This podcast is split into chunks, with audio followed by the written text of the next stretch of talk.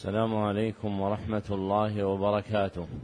الحمد لله الذي جعل الحج مقاما للتعليم وهدى فيه من شاء من عباده إلى الدين القويم. وأشهد أن لا إله إلا الله وحده لا شريك له. وأشهد أن محمدا عبده ورسوله. صلى الله عليه وسلم ما علم الحجاج وعلى آله وصحبه خيرة وفد الحاج.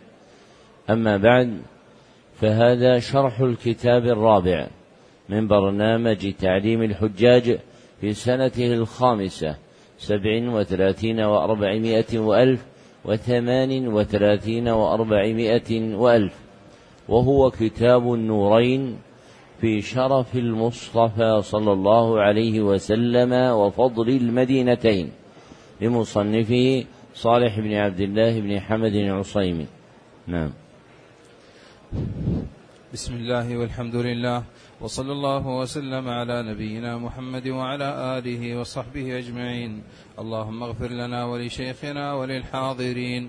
قلتم غفر الله لكم ونفع بكم وأعلى ذكركم في كتابكم النورين في شرف المصطفى وفضل المدينتين. بسم الله الرحمن الرحيم. الحمد لله الذي آتى محمدا فوق ما آتاه كل نبي وملك وصلى الله وسلم عليه وعلى آله وصحبه ما جرى فلك ودار فلك.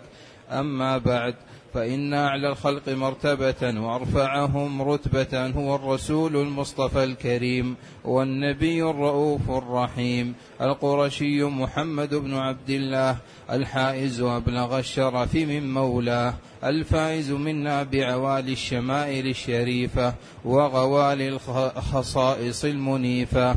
وإن من بواعث الإيمان ومقويات الإيقان علم العبد شرف المصطفى صلى الله عليه وسلم. وما جاء به من الدين والكتاب المبين. وفضل المدينتين العظيمتين وما لآله وأصحابه من المناقب المأثورة. والخصال الحميدة فحملني الداعي إلى أحسن المساعي على تقييد طرف جامع لوصول ما تقدم ذكره. مترجم بأبواب تدد مترجم بأبواب تدل عليه ودلائل ترشد إليه منتزعة من مشكاة النورين القرآن والسنة ولله بما فتح ولله بما فتح من تعليمه علي أعظم المنة فله وافر الشكر وهو مسؤولي لنفسي ولمطالعه التقبل والجنة. ابتدأ المصنف وفقه الله كتابه بالبسملة ثم ثنى بالحمدلة ثم ثلث بالصلاة والسلام على محمد صلى الله عليه وسلم وعلى آله وصحبه. وهؤلاء الثلاث من آداب التصنيف اتفاقا. فمن صنف كتابا استحب له أن يستفتحه بهن. وقوله عند الصلاة على النبي صلى الله عليه وسلم وآله وصحبه ما جرى فلك ودار ثلك أي ما جرت سفينة في البحار ودار نجم في الأفلاك. ثم ذكر المصنف أن النبي صلى الله عليه وسلم هو أعلى الخلق مرتبة وأرفعهم رتبة وإن من بواعث الإيمان ومقويات الإيمان علم العبد شرف المصطفى صلى الله عليه وسلم وما جعل الله عز وجل للمدينتين العظيمتين من الفضل والشان.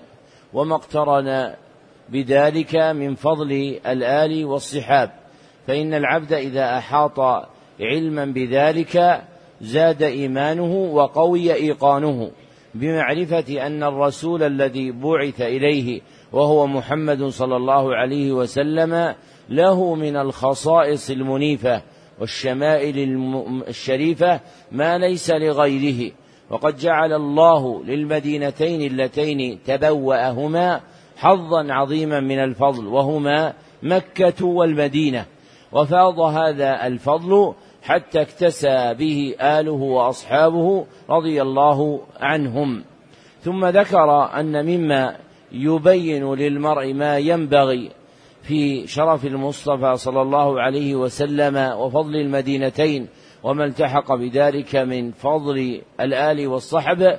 ما ذكره في هذا الكتاب مترجما في عشرة أبواب. كل باب منها يتعلق بواحد من هذه المطالب المذكورة. وفي ضمنه من دلائل الكتاب والسنة ما يبين حقائقه ويجلي معانيه. نعم. قلتم باب ما كان عليه الناس قبل مبعث النبي صلى الله عليه وسلم من الجاهلية وقوله مقصود الترجمة بيان ما كان عليه الناس قبل مبعث النبي صلى الله عليه وسلم. مقصود الترجمة بيان ما كان عليه الناس قبل مبعث النبي صلى الله عليه وسلم وأنهم كانوا في جاهلية جهلاء وضلالة ظلماء. فالجاهلية اسم لما قبل النبي صلى الله عليه وسلم وكل ما أضيف إليها من اعتقاد أو قول أو فعل فهو محرم لأنها حال نقص. أخرجنا الله ببعثة النبي صلى الله عليه وسلم من ظلماتها إلى نور الإسلام. نعم. قلتم وقوله تعالى واتخذوا من دونه آلهة لا يخلقون شيئا وهم يخلقون ولا يملكون لأنفسهم ضرا ولا نفعا ولا يملكون موتا ولا حياة ولا نشورا وقوله تعالى وقالوا إن هي إلا حياتنا الدنيا وما نحن بمبعوثين. وقوله تعالى ما جعل الله من بحيرة ولا سائبة ولا وصيلة ولا حام. وقوله تعالى وإذا الموءودة سئلت بأي ذنب قتلت. وعن عياض بن حمار المجاشعي رضي الله عنه أن رسول الله صلى الله عليه وسلم قال ذات يوم في خطبته إني خلقت عبادي حنفاء كلهم وإنهم أتتهم الشياطين فاجتالتهم عن دينهم وحرمت عليهم ما أحللت لهم وأمرتهم أن يشركوا بي ما لم أنزل به سلطانا وإن الله نظر إلى أهل الأرض فمقتهم عربهم وعجمهم إلا بقايا من أهل الكتاب رواه مسلم. وعن أسماء بنت أبي بكر رضي الله عنها قالت لقد رأيت زيد بن عمرو بن نفيل قائما مسندا ظهره إلى الكعبة يقول يا معشر قريش ما منكم اليوم أحد على دين إبراهيم غيري؟ وكان يحيي الموءودة ويقول للرجل إذا أراد أن يقتل ابنته مهلا لا تقتلها أنا أكفيك مؤونتها. فيأخذها إذا ترعرعت قال لأبيها إن شئت دفعتها إليك وإن شئت كفيتك مؤونتها علقه البخاري ووصله الحاكم. وقال صحيح على شرط الشيخين ولم يخرجاه. وعن أبي رجاء العطاردي قال كنا نعبد الحجر فإذا وجدنا حجرا هو أخير منه ألقيناه وأخذنا الآخر. فإذا لم نجد حجرا جمعنا جثوة من تراب ثم جئنا بالشاة فحلبناها فحلبناه عليه. ثم طفنا به فإذا دخل شهر رجب قلنا منصل الأسنة فلا ندع رمحا فيه حديدة ولا سهما فيه حديدة إلا نزعناه وألقيناه شهر رجب رواه البخاري. وعن مجاهد قال حدثني مولاي أن أهله بعثوا معه بقدح فيه زبد ولبن إلى آلهتهم. قال فمنعني أن آكل الزبد لمخافتها. قال فجاء كلب فأكل الزبد وشرب اللبن ثم بال على الصنم وهو إساف ونائلة. رواه أحمد والدارمي واللفظ له وزاد. قال هارون بن معاوية وهو شيخ الدارمي. كان الرجل في الجاهلية. إذا سافر حمل معه أربعة أحجار ثلاثة لقدره. والرابع يعبده ويربي كلبه ويقتل ولده. وعن أبي سعيد الخدري رضي الله عنه أنه ناس من عبد القيس قدموا على رسول الله صلى الله عليه وسلم فقال رسول الله صلى الله عليه وسلم أمركم بأربع وأنهاكم عن أربع اعبدوا الله لا تشركوا به شيئا وأقيموا الصلاة وآتوا الزكاة وصوموا رمضان وأعطوا الخمس من الغنائم وأنهاكم عن أربع عن الدباء والحنتم والمزفة والنقير قالوا يا نبي الله ما علمك بالنقير قال بلى جذع تنقرونه فتقذفون فيه من القطيعاء أو قال من التمر ثم تصبون فيه من الماء حتى إذا سكن غليانه شربتموه حتى إن أحدكم أو إن أحدهم ليضرب ابن عمه بالسيف قال وفي القوم رجل أصابته جراحة كذلك. قال وكنت قال وكنت أخبأها حياء من من رسول الله صلى الله عليه وسلم. رواه مسلم. وعن عروة بن الزبير أن عائشة رضي الله عنها زوج النبي صلى الله عليه وسلم أخبرته أخبرته أن النكاح كان في الجاهلية على أربعة أنحاء فنكاح منها نكاح الناس اليوم يخطب الرجل إلى الرجل وليته وابنته فيصدقها ثم ينكحها. نكاح ونكاح آخر كان الرجل يقول لامرأته إذا طهرت من طمث أرسلي إلى فلان فاسترضعي منه ويعتزلها زوجها ولا يمسها أبدا حتى يتبين حملها من ذلك الرجل الذي تسترضع منه. فإذا تبين حملها أصابها زوجها إذا أحب وإنما يفعل ذلك رغبة في نجابة الولد فكان هذا النكاح نكاح الاستبضاع ونكاح آخر. يجتمع الرهط ما دون العشرة فيدخلون على المرأة كلهم يصيبها فإذا حملت ووضعت ومر عليها ليالي بعد أن تضع حملها. أرسلت إليهم فلم يستطع رجل منهم أن يمتنع. حتى يجتمعوا عندها تقول لهم قد عرفتم الذي كان من أمركم وقد ولدت فهو ابنك يا فلان تسمي من أحبت باسمه. فيلحق به ولدها لا يستطيع يمتنع به الرجل. ونكاح الرابع يجتمع الناس الكثير فيدخلون على المرأة لا تمتنع ممن جاءها وهن البغايا. كن ينصبن على أبوابهن رايات تكون علما فمن أرادهن دخل عليهن. فإذا حملت إحداهن ووضعت حملها جمعوا لها ودعوا لهم القافة ثم ألحقوا ولدها بالذي يرون. فالتاط به ودعي ابنه لا يمتنع من ذلك.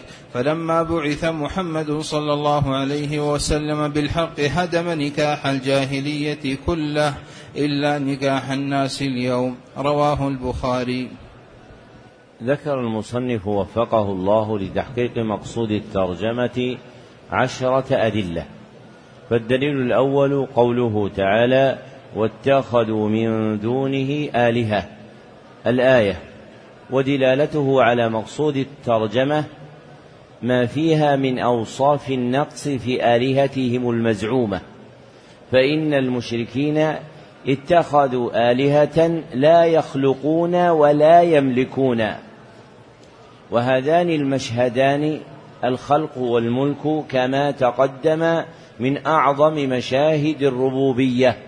فالذي لا يخلق ولا يملك لا يصلح أن يكون ربا معبودا. ففيه إبطال آلهة المشركين. وزيف ما كانوا عليه من الآلهة التي يدعون. والدليل الثاني قوله تعالى وقالوا ما هي إلا حياتنا الدنيا الآية. ودلالته على مقصود الترجمة في قوله وما نحن بمبعوثين فإن أكثر أهل الجاهلية كانوا ينكرون البعث وكان منهم من يؤمن بالبعث وغاية من يؤمن منهم بالبعث أنه يصير إلى أمر أعظم مما كان عليه في الدنيا. فاعتقادهم في البعث على كل حال اعتقاد باطل فاسد. فهم بين نفي البعث تارة وبين إثبات بعث ينعم فيه الكافر. والدليل الثالث قوله تعالى ما جعل الله من بحيرة, من بحيرة ولا سائبة. الآية ودلالته على مقصود الترجمة في قوله تعالى ما جعل الله من بحيرة ولا سائبة. الآية في عد هؤلاء الأربع اللاتي كانت من مظاهر تضييع المشركين أموالهم. فإن المشركين كانوا يضيعون أموالهم في الجاهلية بما جعلوه لآلهتهم الباطلة. وقد ذكر الله سبحانه وتعالى في هذه الآية أربعة مشاهد من مشاهد تضييعهم الأموال. أولها مشهد ما كانوا يجعلون من البحيرة وهي الناقة التي التي يمنع درها للطواغيت أي يجعل حليبها لآلهتهم الباطلة أي يجعل حليبها لآلهتهم الباطلة. فكانوا يمنعون أنفسهم وغيرهم من الانتفاع بما يكون فيها من الحليب ويزعمون أن هذه الناقة مرسلة بحليبها تعظيما لآلهتهم فلا يمسونها بشيء وثانيها جعلهم السائبة وهي الناقة السائبة التي يسيبونها أي يتركونها. تعظيما لآلهتهم فلا يحملون عليها شيئا ولا ينتفعون بها ولا ينتفعون منها بشيء. والمشهد الثالث مشهد الوصيلة وهي الناقة التي يكون أول نتاجها أنثى ثم تأتي بأخرى فتصل أنثى بأنثى والعرب تعظم من الإبل الإناث.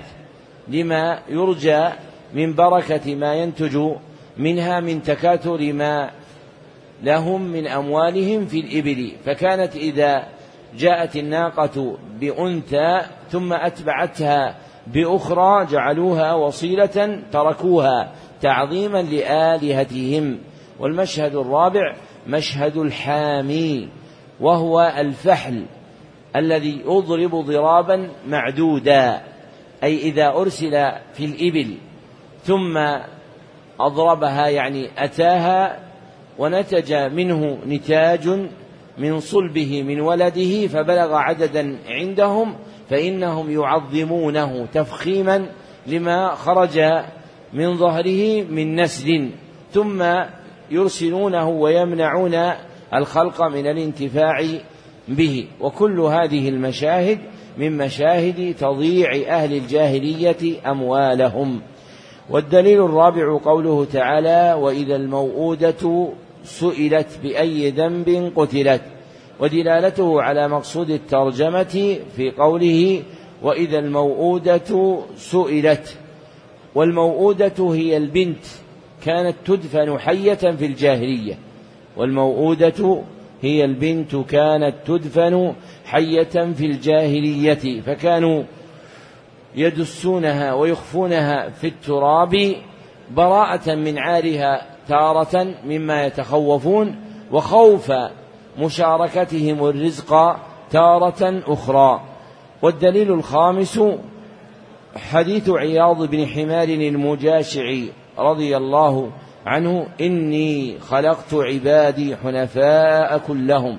الحديث رواه مسلم وهو حديث إلهي.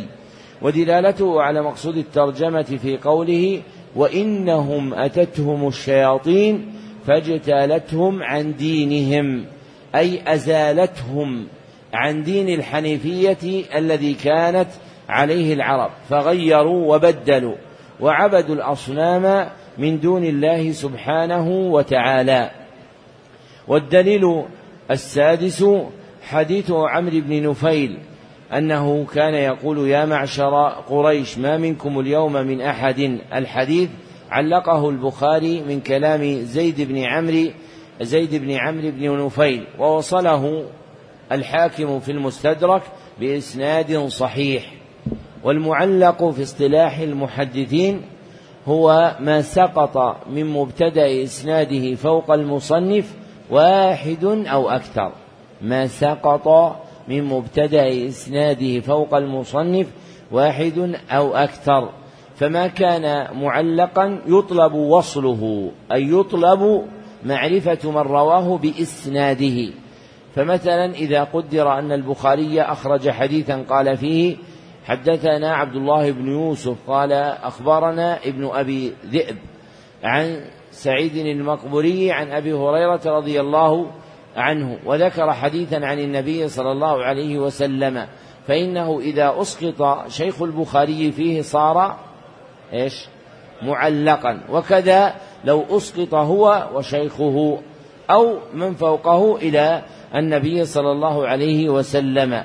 ودلالته على مقصود الترجمة في قول أسماء إخبارا عن زيد بن عمرو أنه كان يحيي الموؤودة أي يحفظها ويبقيها حية فكان يلتمس من أبيها أن يهبها له لينفق عليها ويحفظها. فإذا بلغت وترعرعت إن شاء دفعها إليه وإن شاء أبقاها عنده.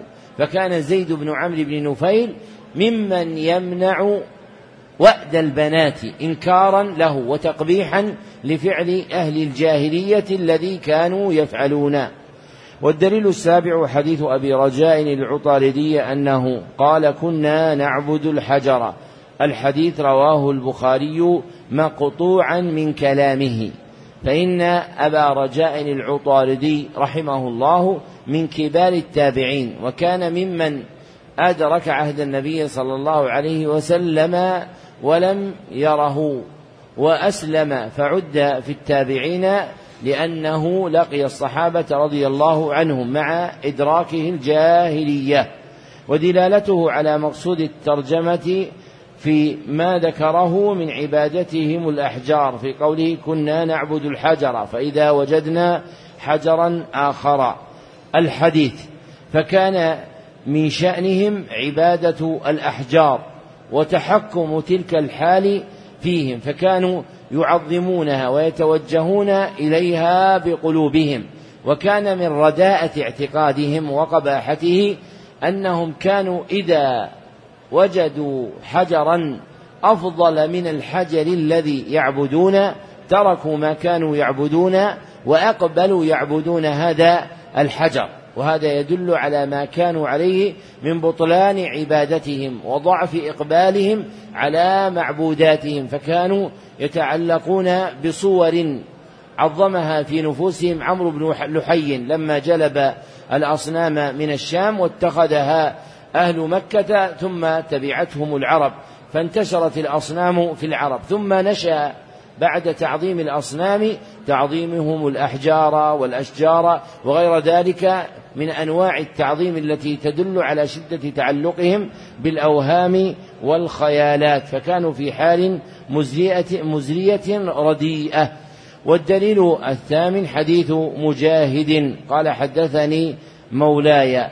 الحديث رواه أحمد والدارمي واللفظ له وإسناده حسن وهو مقطوع فإن مولى مجاهد كان من التابعين ممن أدرك عهد النبي صلى الله عليه وسلم وأسلم بعده فلقي الصحابة رضي الله عنهم وأخبر عما أخبر عنه مما كانوا عليه في الجاهلية وأنه كان في الجاهلية يأتي بالزبد واللبن فيجعله لهذه الآلهة عند صنم إساف إساف ونائلة.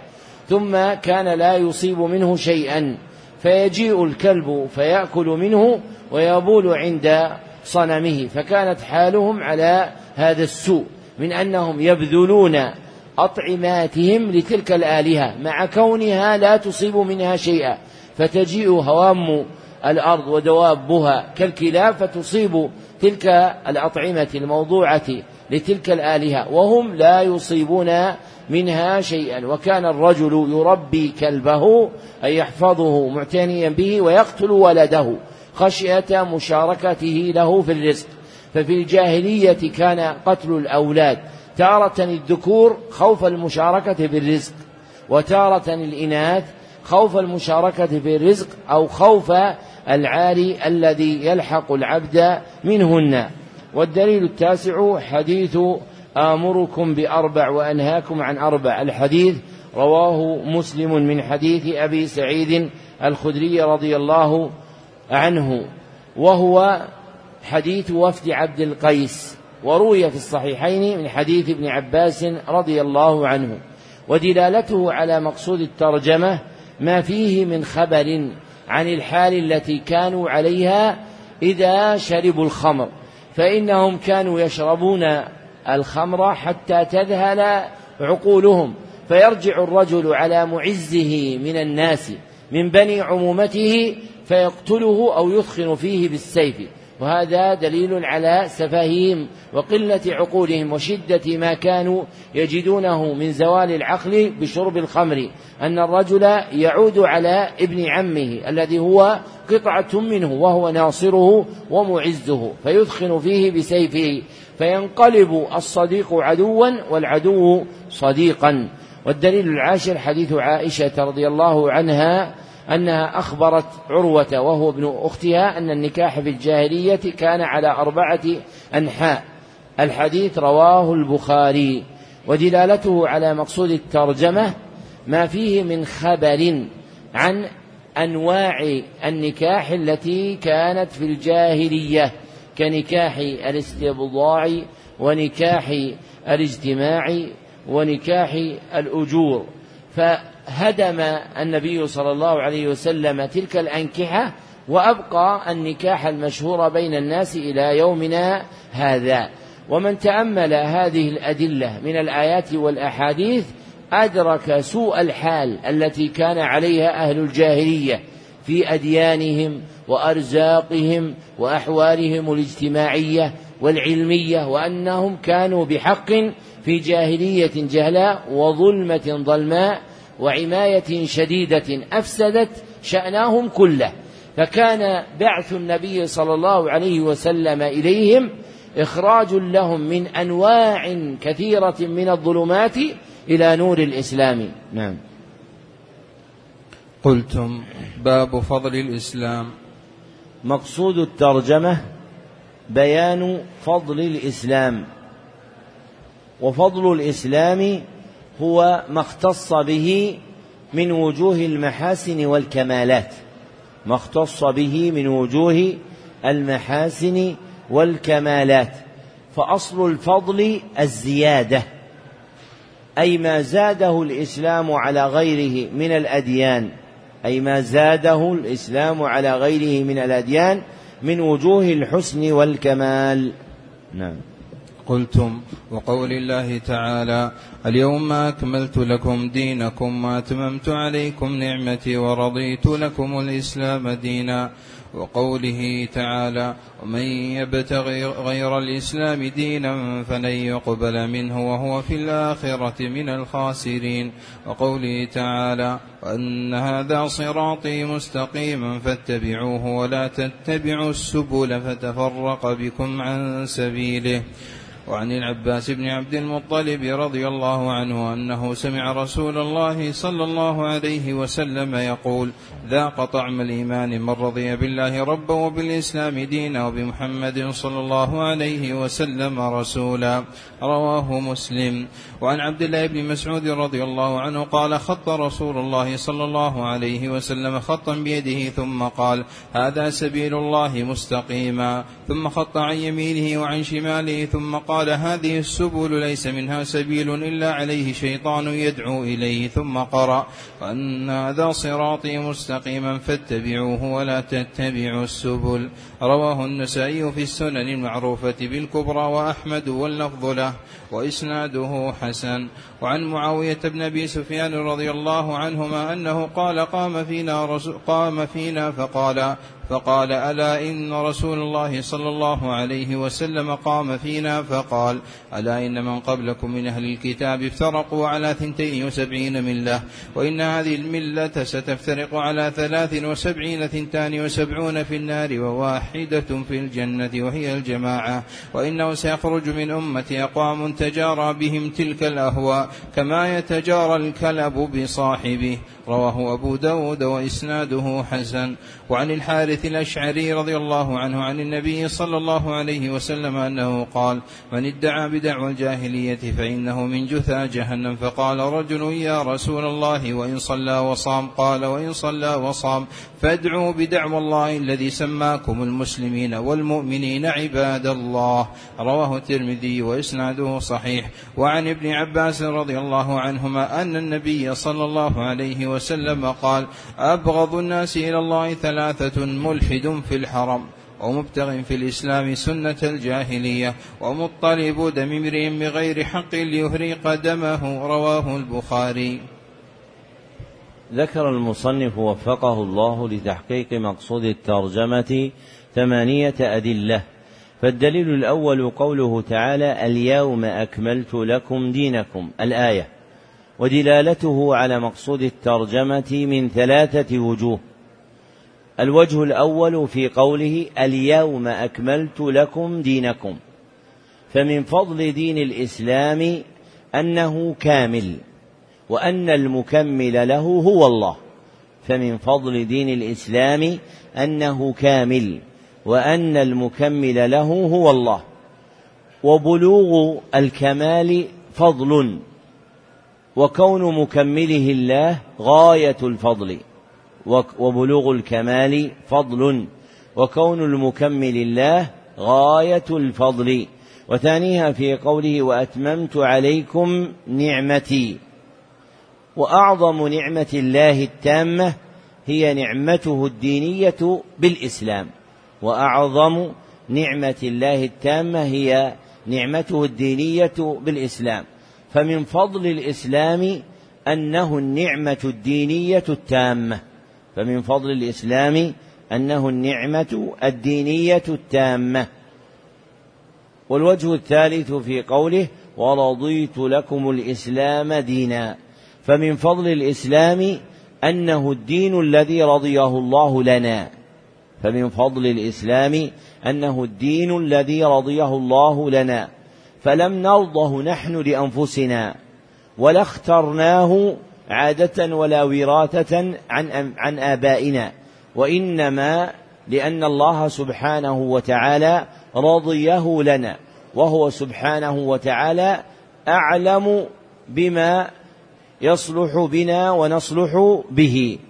والدليل الثاني قوله تعالى ومن يبتغي غير الإسلام دينا. الآية. ودلالته على مقصود الترجمة من وجهين. أحدهما في قوله تعالى فلن يقبل منه. فكل دين سوى الإسلام مردود والإسلام وحده هو المقبول. فكل دين سوى الإسلام مردود والإسلام وحده هو المقبول. فمن فضل دين الإسلام أنه الدين الذي يقبله الله ولا يقبل غيره. فمن فضل الإسلام أنه الدين الذي يقبله الله ولا يقبل غيره.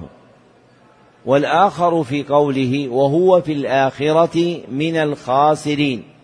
أي من ابتغى غير الإسلام دينا خسر في الآخرة. فيكون من ابتغى الإسلام دينا رابحا فائزا في الآخرة.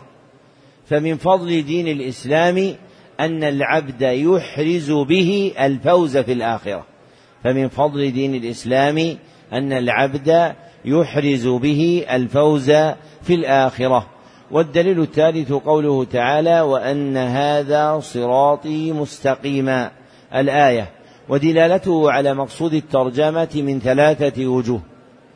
الوجه الأول في قوله صراطي فإن الله أضافه إلى نفسه تعظيما له. فإن الله أضافه إلى نفسه تعظيما له. وهذا الصراط هو الإسلام. فمن فضل دين الإسلام أنه صراط الله. فمن فضل دين الإسلام أنه صراط الله والإضافة للتشريف والإضافة للتشريف.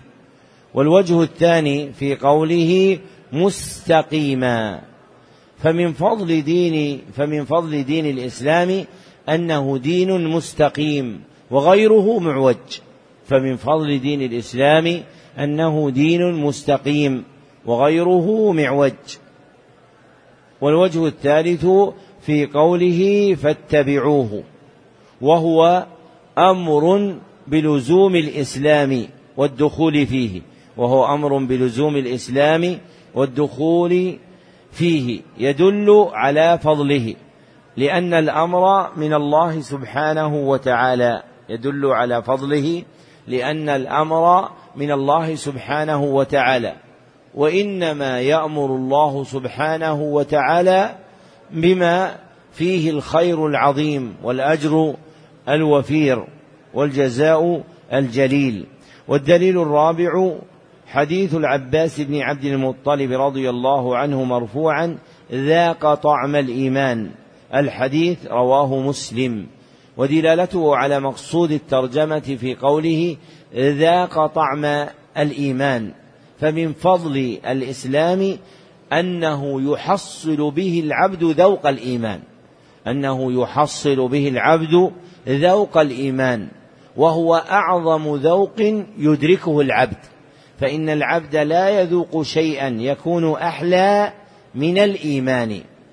وقد اتفق أهل العلم على أن الإيمان يذاق واختلفوا في حقيقة ذوقه. هل هي معنوية أم حسية؟ على قولين أصحهما أنه يحس بما يجده العبد من طمأنينة قلبه وانشراح صدره. أنه يحس بما يجده العبد من طمأنينة قلبه وانشراح صدره. وهو اختيار أبي الفرج بن رجب رحمه الله. والدليل الخامس حديث ابن مسعود رضي الله عنه أنه قال خط رسول الله صلى الله عليه وسلم خطا بيده.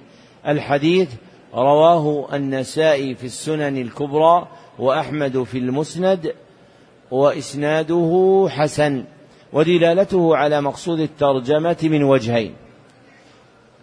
أحدهما في قوله هذا سبيل الله فمن فضل دين الإسلام أنه سبيل الله. والإضافة للتشريف. وإذا كان الناس يفتخرون بسلوكهم طريق معظم من الخلق فإن الشرف الذي يناله العبد بسلوك طريق الله أعظم وأعظم. والآخر في قوله مستقيما. والآخر في قوله مستقيما. فمن فضل دين الإسلام أنه مستقيم غير معوج. أنه مستقيم غير معوج. فمن استقام عليه استقام له شأنه كله في كل دقيق وجليل. والدليل السادس حديث معاوية رضي الله عنه أنه قال قام فينا رسول الله صلى الله عليه وسلم. الحديث رواه أبو داود وإسناده حسن. ودلالته على مقصود الترجمة في قوله واحدة في الجنة وواحدة في الجنة وهي الجماعة. فمن فضل دين الإسلام أن العبد يدخل به الجنة. فمن فضل دين الإسلام أن العبد يدخل به الجنة. وأعظم الإسلام الذي يحقق للعبد هذا هو الإسلام الذي كان عليه النبي صلى الله عليه وسلم. فإن النبي صلى الله عليه وسلم أخبر أن أمته ستفترق وستكون ثلاثا وسبعين فرقة وتلك الفرق كلها منسوبة إلى الإسلام. والفرقة التي هي على الإسلام الذي كان عليه صلى الله عليه وسلم هي فرقة واحدة وهي الجماعة. فمن اندرج فيها كان أعظم المسلمين حظا وأوفرهم نصيبا في دخوله الجنة. جعل الله وإياكم من أهلها. والدليل السابع حديث الحارث الأشعري رضي الله عنه عن النبي صلى الله عليه وسلم أنه قال ومن ادعى دعوى الجاهلية. الحديث رواه الترمذي وإسناده صحيح. ودلالته على مقصود الترجمة في قوله فادعوا بدعوى الله الذي سماكم المسلمين المؤمنين عباد الله. فمن فضل دين الإسلام أن الله اختار له ولأهله أسماء. فمن فضل دين الإسلام أن الله اختار له ولأهله أسماء. فسماه الإسلام والإيمان والإحسان والحنيفية والصراط المستقيم وسمى أهله المؤمنين والمسلمين وعباد الله والمحسنين. فالأسماء التي اختارها الله عز وجل لهذا الدين ولأهله دالة على فضله فإنه من شرفه وعظمة, وعظمة قدره أن الله اختار أسماءه وأسماء أهله. والأسماء الدينية نوعان. والأسماء الدينية نوعان. أحدهما أسماء دينية شرعية وهي الموافقة للشرع. أسماء دينية شرعية وهي الموافقة للشرع. والآخر أسماء دينية غير شرعية وهي المخالفة للشرع. وهي المخالفة للشرع. والعبد مأمور باتباع الأسماء الشرعية الموافقة الشرع. وتلك الأسماء نوعان أيضا. وتلك الأسماء نوعان أيضا. فالنوع الأول أسماء شرعية أصلية. أسماء شرعية أصلية. وهي التي سمانا به بها الله ورسوله صلى الله عليه وسلم. كالإسلام والمسلمين والإيمان والمؤمنين والإحسان والمحسنين والعبادة وعباد الله. والنوع الآخر أسماء شرعية تابعة وهي الأسماء التي لم ترد في القرآن ولا في السنة وهي الأسماء التي لم ترد في القرآن ولا في السنة. وصارت شعارا لأهل الحق في مقابل الباطل.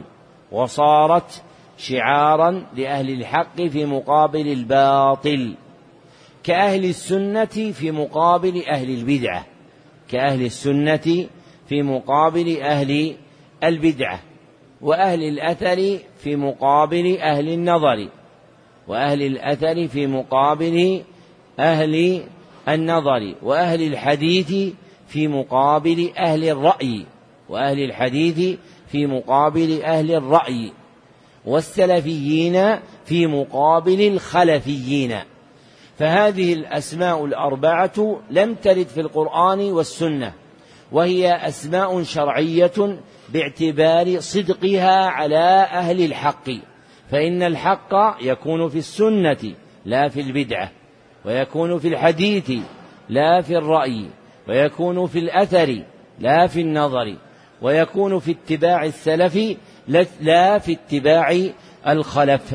والدليل الثامن حديث ابن عباس رضي الله عنهما مرفوعا أبغض الناس إلى الله ثلاثة.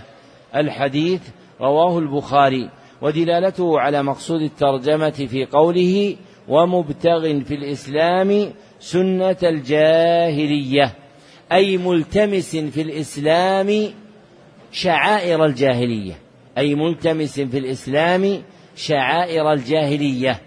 وجعل الساعي في ذلك من أبغض الناس لكمال دين الإسلام واستغنائه عن غيره. وجعل الساعي في ذلك من أبغض الناس لكمال دين الإسلام واستغنائه عن غيره. فدين الإسلام غير مفتقر.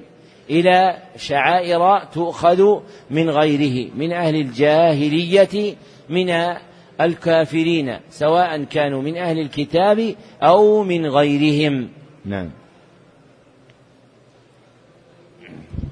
قلتم باب قول الله تعالى وإنه لذكر لك ولقومك.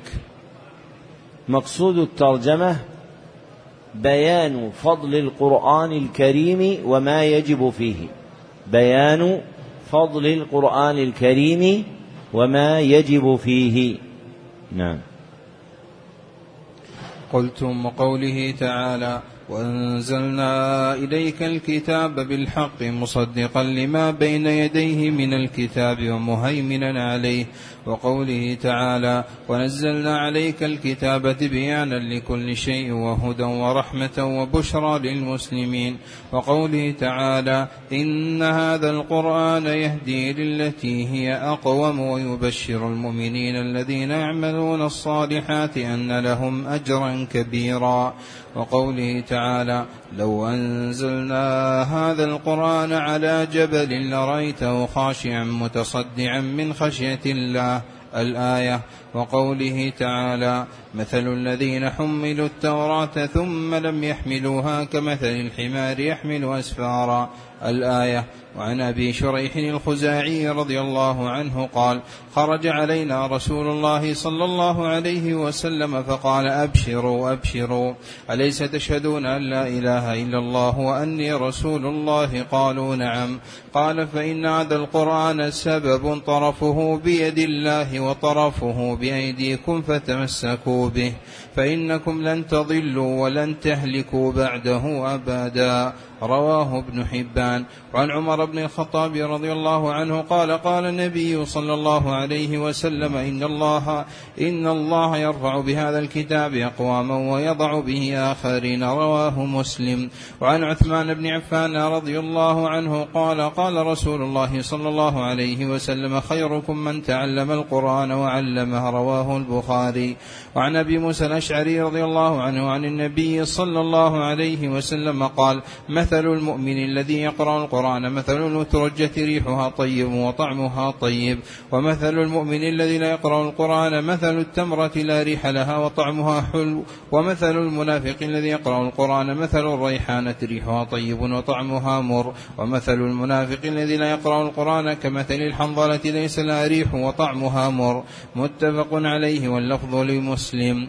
وعن ابن مسعود رضي الله عنه قال قال رسول الله صلى الله عليه وسلم من قرأ حرفا من كتاب الله فله به حسنة والحسنة بعشر أمثالها لا أقول ألف لام ميم حرف ولكن ألف حرف ولام حرف وميم حرف. رواه الترمذي وقال حسن صحيح غريب. وعن أبي الدرداء رضي الله عنه قال كنا مع رسول الله صلى الله عليه وسلم فشخص ببصره إلى السماء ثم قال هذا أوان يختلس العلم من الناس حتى لا يقدر منه على شيء فقال زياد بن لبيد الأنصاري كيف يختلس منا وقد قرأنا القرآن؟ فوالله لنقرأنه ولنقرأنه نساءنا وأبناءنا. فقال ثكلتك أمك يا زياد. إن كنت لا أعدك من فقهاء أهل المدينة هذه التوراة والإنجيل عند اليهود والنصارى. فماذا تغني عنهم رواه الترمذي وقال حسن غريب وعن عائشة رضي الله عنها قالت تلا رسول الله صلى الله عليه وسلم قوله تعالى هو الذي ينزل عليك الكتاب منه آيات محكمات هن أم الكتاب وأخر متشابهات فأما الذين في قلوبهم زيغ فيتبعون ما تشابه منه ابتغاء الفتنة وابتغاء تأويله وما يعلم تأويله إلا الله والراسخون في العلم يقولون آمنا به كل من عند ربنا وما يذكر إلا أولو الألباب. قالت قال رسول الله صلى الله عليه وسلم إذا رأيتم الذين يتبعون ما تشابه منه فأولئك الذين سمى الله فاحذروهم. متفق عليه واللفظ لمسلم. ذكر المصنف وفقه الله لتحقيق مقصود الترجمة ثلاثة عشر دليلا. فالدليل الأول قوله تعالى وإنه لذكر لك ولقومك الآية. ودلالته على مقصود الترجمة في قوله وإنه لذكر لك ولقومك أي لشرف لك ولقومك.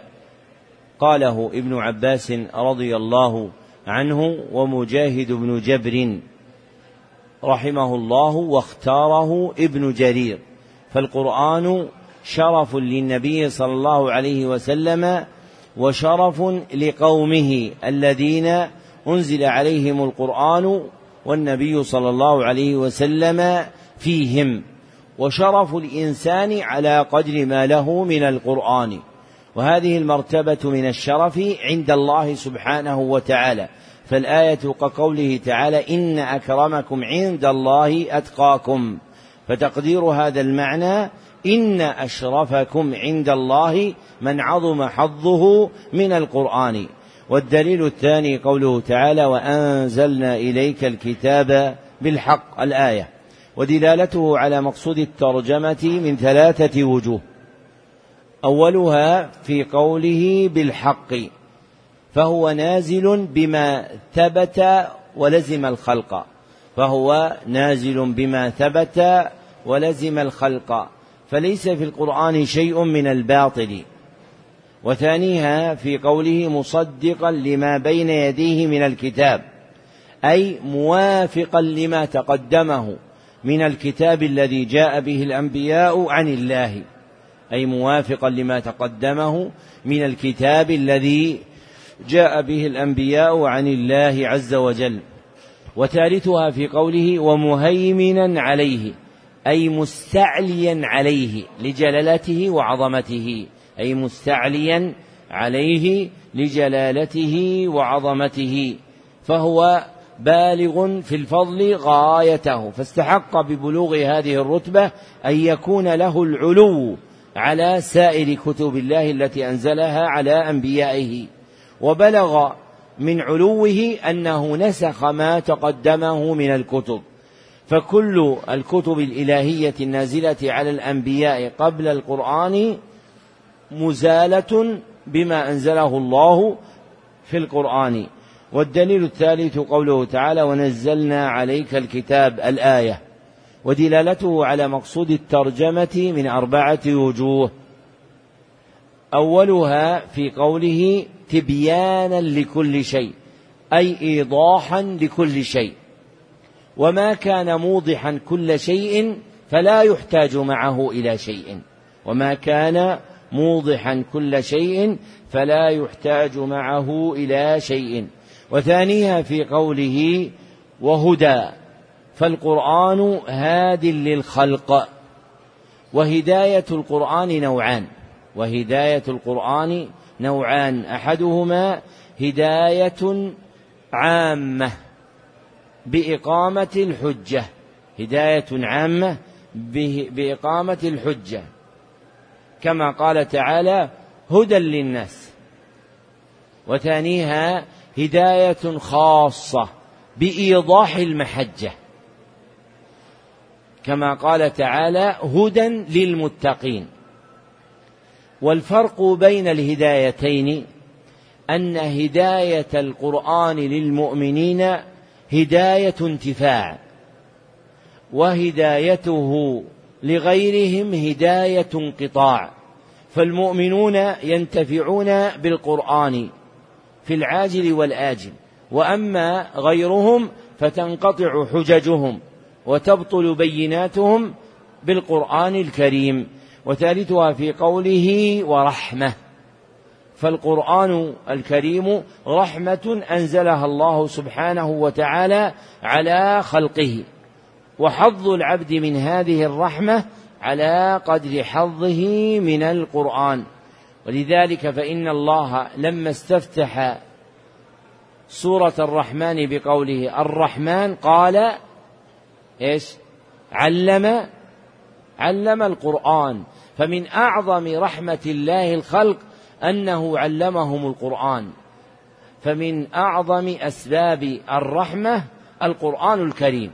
فمن أخذ منه حظا وافرا رجي له القدر الأعظم من رحمة الله سبحانه وتعالى وربعها في قوله وبشرى للمسلمين فهو يبشر المسلمين بما لهم في الدنيا والآخرة من المقام الكريم والمنزل العظيم.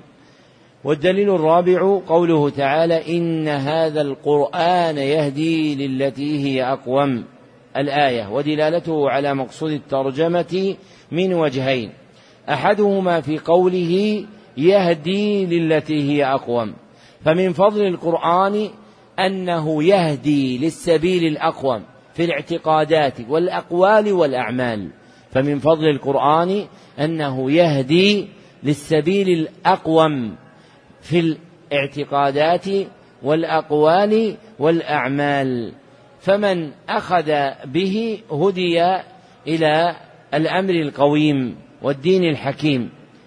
وثانيها في قوله ويبشر المؤمنين الذين يعملون الصالحات أن لهم أجرا كبيرا. فمن فضل القرآن أنه مبشر للمؤمنين بما لهم من الأجر الكبير. إذا قارن إذا قارنوا إيمانهم بالأعمال الصالحات. فالقرآن كما تقدم بشرى للمسلمين. والدليل الخامس قوله تعالى لو أنزلنا هذا القرآن على جبل الآية ودلالته على مقصود الترجمة في قوله خاشعا متصدعا من خشية الله. فمن فضل القرآن عظم هيبته وجلالة شأنه. فمن عظم القرآن فمن فضل القرآن عظم هيبته وجلالة شأنه. حتى لو قدر أنه نزل على جبل لصار ذلك الجبل خاشعا أي ساقطا متصدعا متشققا من خشية الله. فإذا كان هذا أثر القرآن على الجبل الأصم فكيف ينبغي أن يكون أثره على القلب الذي هو من لحم ودم؟ ولكن الأمر كما قال عثمان رضي الله عنه لو طهرت قلوبنا ما شبعت من كلام ربنا أي من القرآن. رواه الإمام أحمد في فضائل الصحابة. فيبلغ من شؤم النجاسة التي تكون في القلوب أنها تمنع خشوع القلب عند سماع القرآن الكريم. ولصفاء الجبل من أمور تفسده عند نزول كلام الله عليه لو قدر ذلك أنه يكون خاشعا متصدعا من خشية الله. فمن طهر قلبه رق قلبه بالقرآن وعظم انتفاعه به. ومن فسد قلبه لم يزل القرآن يقيم عليه الحجة بعد الحجة. فإن القرآن يكون لقوم هاديا يهديهم إلى جنات النعيم ويكون لآخرين شيئا يخزهم يزخهم في ظهورهم إلى نار الجحيم. أعاذنا الله وإياكم من ذلك. والدليل السادس قوله تعالى مثل الذين حملوا التوراة ثم لم يحملوها. الآية. ودلالته على مقصود الترجمة في قوله كمثل الحمار يحمل أسفارا. وهو مثل ضربه الله سبحانه وتعالى لمن كذب بآيات الله. فمن الواجب على العبد أن يصدق بآيات الله وتصديقها بالاعتقاد القلبي والعمل بالجوارح. فإنه إذا كان كذلك انتفع بالقرآن الكريم. وأما إن كان يعرف آيات القرآن ولا يعتقد معانيها ولا يعمل بما فيها فهذا له حظ من الوصف الذي ذكره الله سبحانه وتعالى لأهل الكتاب من اليهود. في قوله مثل الذين حملوا التوراة ثم لم يحملوها كمثل الحمار يحمل أسفارا. والدليل السابع حديث أبي شريح الخزاعي رضي الله عنه قال خرج علينا رسول الله صلى الله عليه وسلم. الحديث رواه ابن حبان. واختلف في وصله وإرساله والمحفوظ أنه مرسل عن نافع بن جبير رجحه أبو حاتم الرازي في كتاب العلل لابنه ودلالته على مقصود الترجمة في قوله فإن هذا القرآن سبب طرفه بيد الله وطرفه بأيديكم والسبب هو الشيء الواصل بين اثنين والسبب هو هو الشيء الواصل بين اثنين. ومنه سمي القرآن حبل الله لأنه يصل بين الخالق والمخلوق. وهذا المعنى ثابت بالقرآن والسنة والإجماع كقوله تعالى واعتصموا بحبل الله جميعا ولا تفرقوا أي اعتصموا بكتاب الله الذي أنزله عليكم ولا تفرقوا. والدليل الثامن حديث عمر بن الخطاب رضي الله عنه أنه قال قال النبي صلى الله عليه وسلم إن الله يرفع بهذا الكتاب. الحديث رواه مسلم. ودلالته على مقصود الترجمة في قوله يرفع بهذا الكتاب أقواما ويضع به آخرين. فمن فضل القرآن حصول الرفعة لأهله. فمن فضل القرآن حصول الرفعة لأهله. فمن أخذ بالقرآن رفعه الله ومن لم يبال وضعه الله.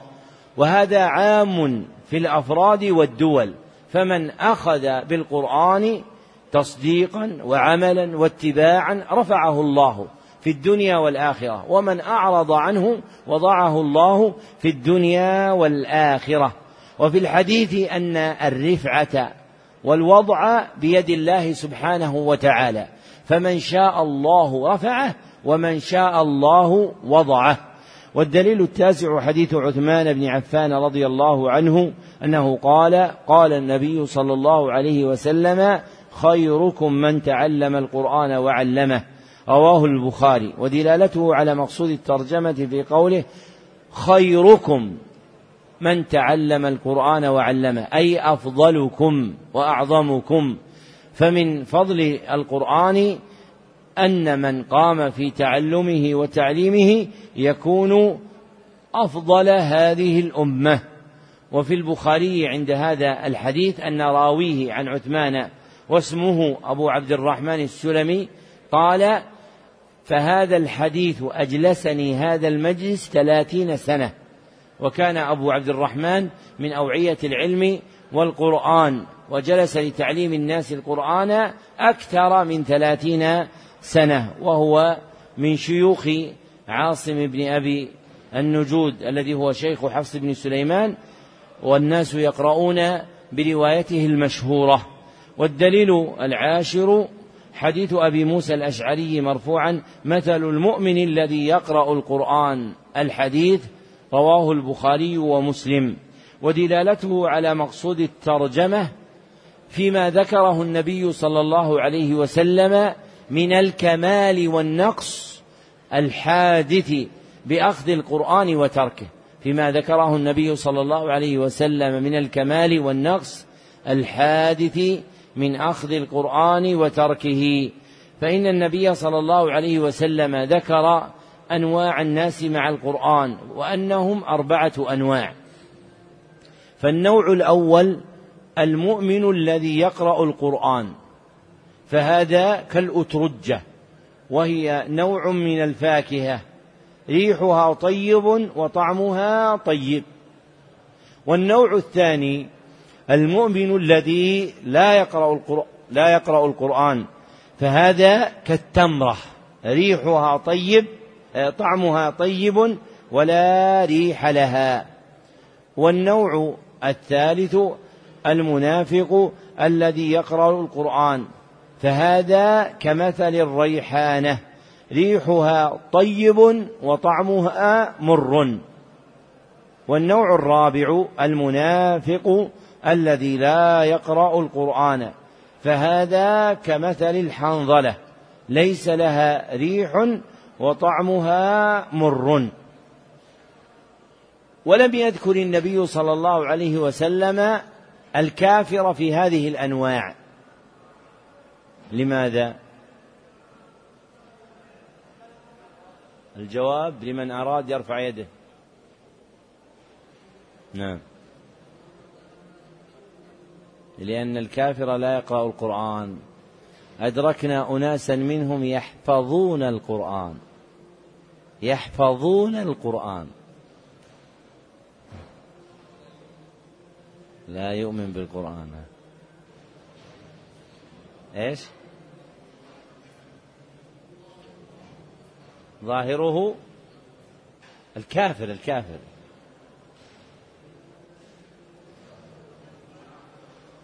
ها؟ لا يعد من؟ لا يعظم القرآن. ها إيش؟ لا يؤجر.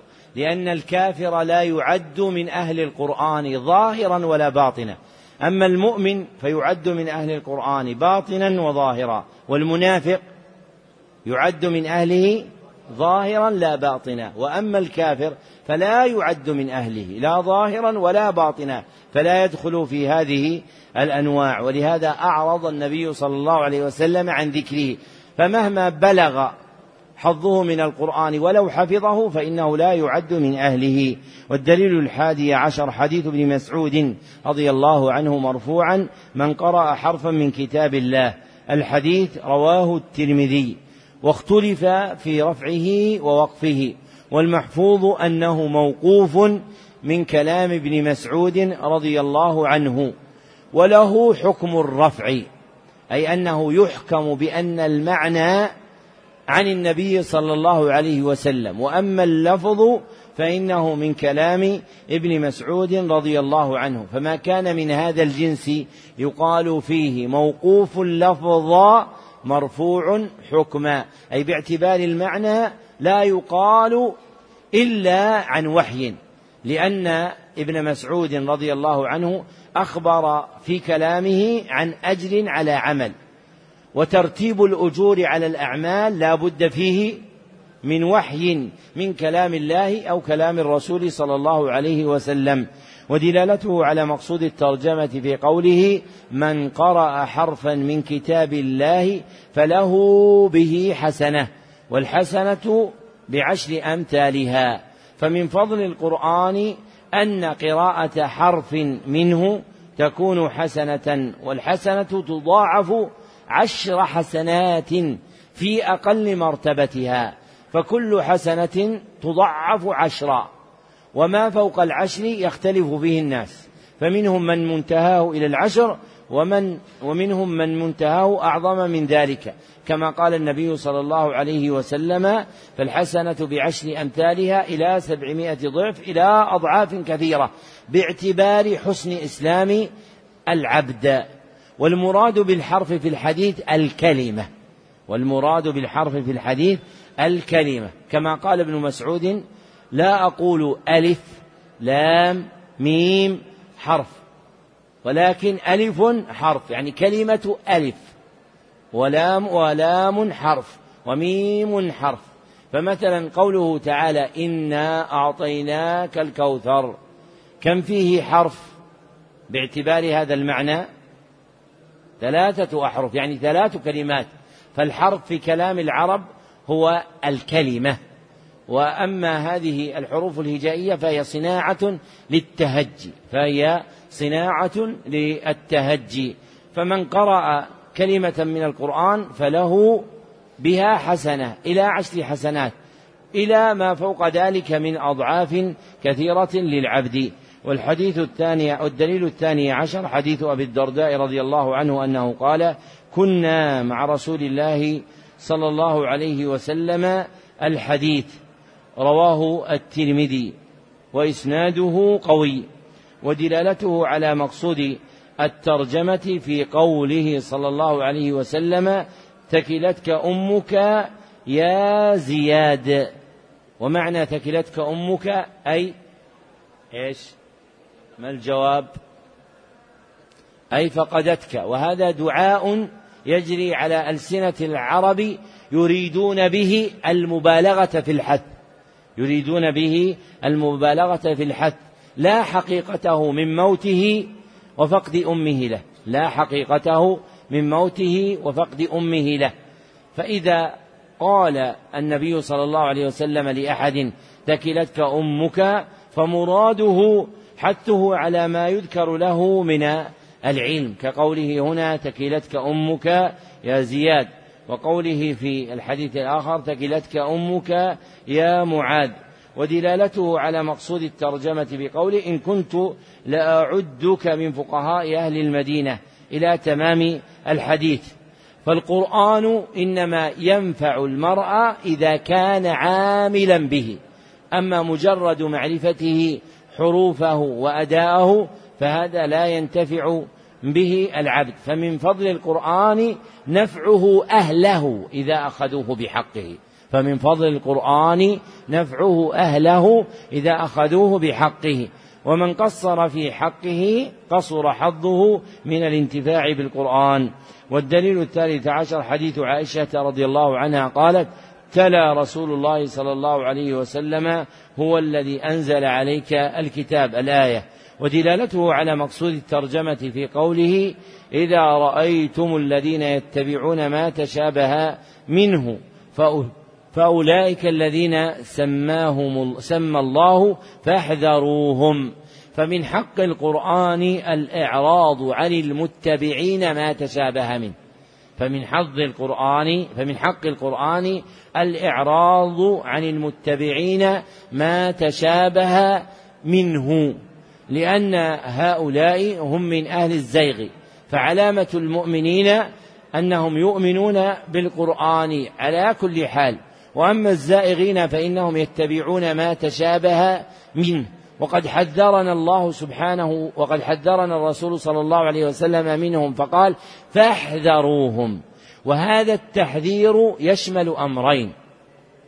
أحدهما التحذير من شخوصهم فلا يصحبون أي لا يتخذون أصحابا. والآخر التحذير من نصوصهم فلا يسمعون ولا يتبعون. التحذير من نصوصهم فلا يسمعون ولا يتبعون. وهؤلاء قد كثر سوادهم بأخرة. فمثلا لو سألتكم الآن هل الإيمان بالقدر من أركان الإيمان أم لا؟ ما الجواب؟ نعم. ما الدليل من القرآن؟ نريد من القرآن. إيش؟ إن قوله تعالى إنا كل شيء خلقناه بقدر. إنا كل شيء خلقناه بقدر. في آي أخر. فيصير العبد مأمورا بأن يؤمن بأن لله قدرا. قال تعالى وكان أمر الله قدرا مقدورا. وقال تعالى وخلق كل شيء فقدره تقديرا. فالإيمان بالقدر مما أمرنا من الإيمان به بالإيمان به أم لا؟ ها؟ أمرنا نعم. طيب لو قال قائل أن من أخطاء الناس عدهم الإيمان بالقدر من أركان الإيمان لأن الله ذكر أركان الإيمان في مواضع من القرآن مقرونة كآخر سورة البقرة وكسورة النساء ولم يذكر الإيمان بالقدر. كلامه صحيح أم غير صحيح؟ لماذا غير صحيح؟ الجواب أن كلامه غير صحيح لأن الإيمان بالقدر مذكور في الإيمان بالله فالقدر قدرة الله فالقدر قدرة الله فهو تابع في الحقيقة لإيمان العبد بقدرة الله سبحانه وتعالى وأفرد ذكر القدر في القرآن تعظيما له. وأفرد ذكر القدر في القرآن تعظيما له فإن من أثقل ما يقع على النفوس ولا سيما عند نزول المصائب الإقرار بالقدر. فهؤلاء كثروا بأخرة وصاروا يزيفون كلامهم ويزينونه بأشياء باطلة فيجب على المسلم أن يحفظ دينه. بالحذر من هؤلاء وألا يتلقى الدين والعلم إلا عمن عرف بدين وعلم. أما من كان لقيطا في الدين لا يعرف له أصل فيه بأخذه عن أهله ولا هو ممن نشأ في بلاد الإسلام ولا درس في مدارس المسلمين فأنى له وللدين المتين. نعم. قلتم باب قوله باب قول باب باب قول الله تعالى لقد جاءكم رسول من أنفسكم. الآية. مقصود الترجمة بيان فضل الرسول صلى الله عليه وسلم وشرفه العظيم. بيان فضل الرسول صلى الله عليه وسلم وشرفه العظيم. نعم. وقوله تعالى هو الذي بعث في الأميين رسولا منهم يتلو عليهم آياته ويزكيهم ويعلمهم الكتاب والحكمة.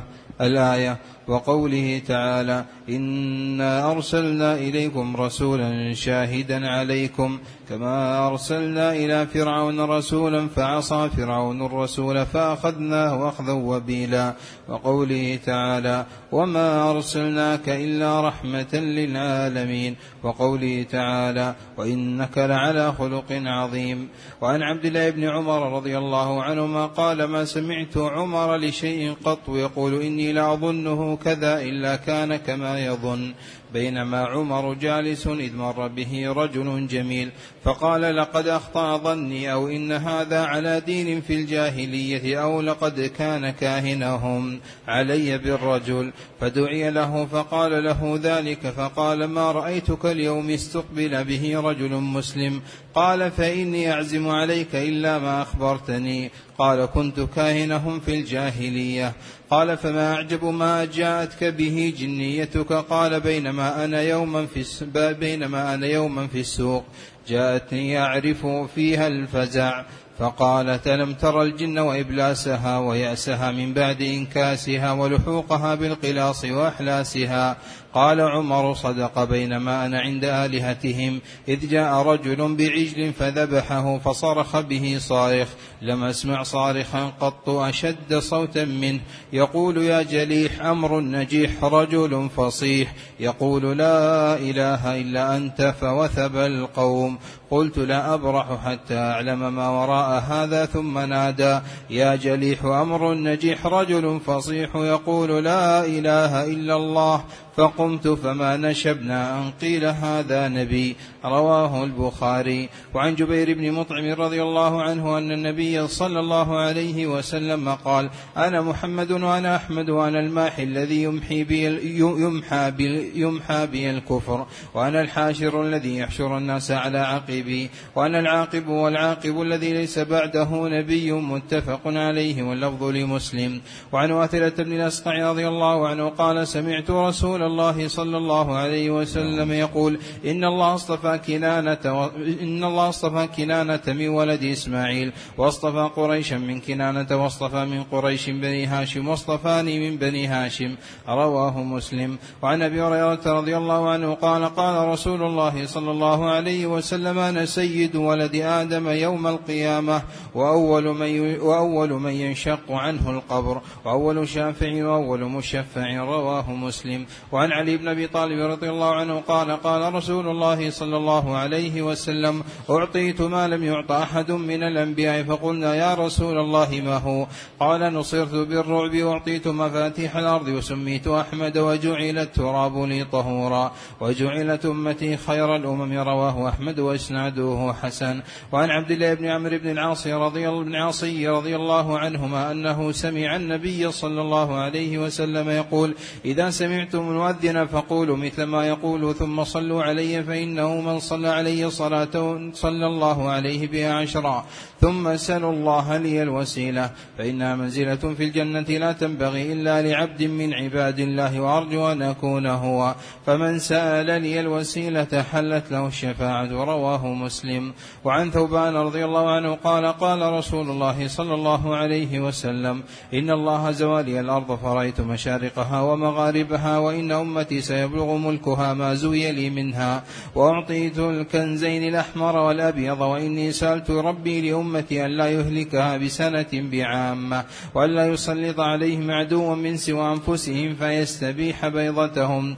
وإن ربي قال يا محمد إني إذا قضيت قضاء فإنه لا يرد وإني أعطيتك لأمتك ألا أهلكهم بسنة بعامة وألا أسلط عليهم عدوا من سوى أنفسهم يستبيح بيضتهم. ولو اجتمع عليه من بأقطارها أو قال من بين أقطارها حتى يكون بعضهم يهلك بعضا ويسبي بعضهم بعضا. رواه مسلم أيضا.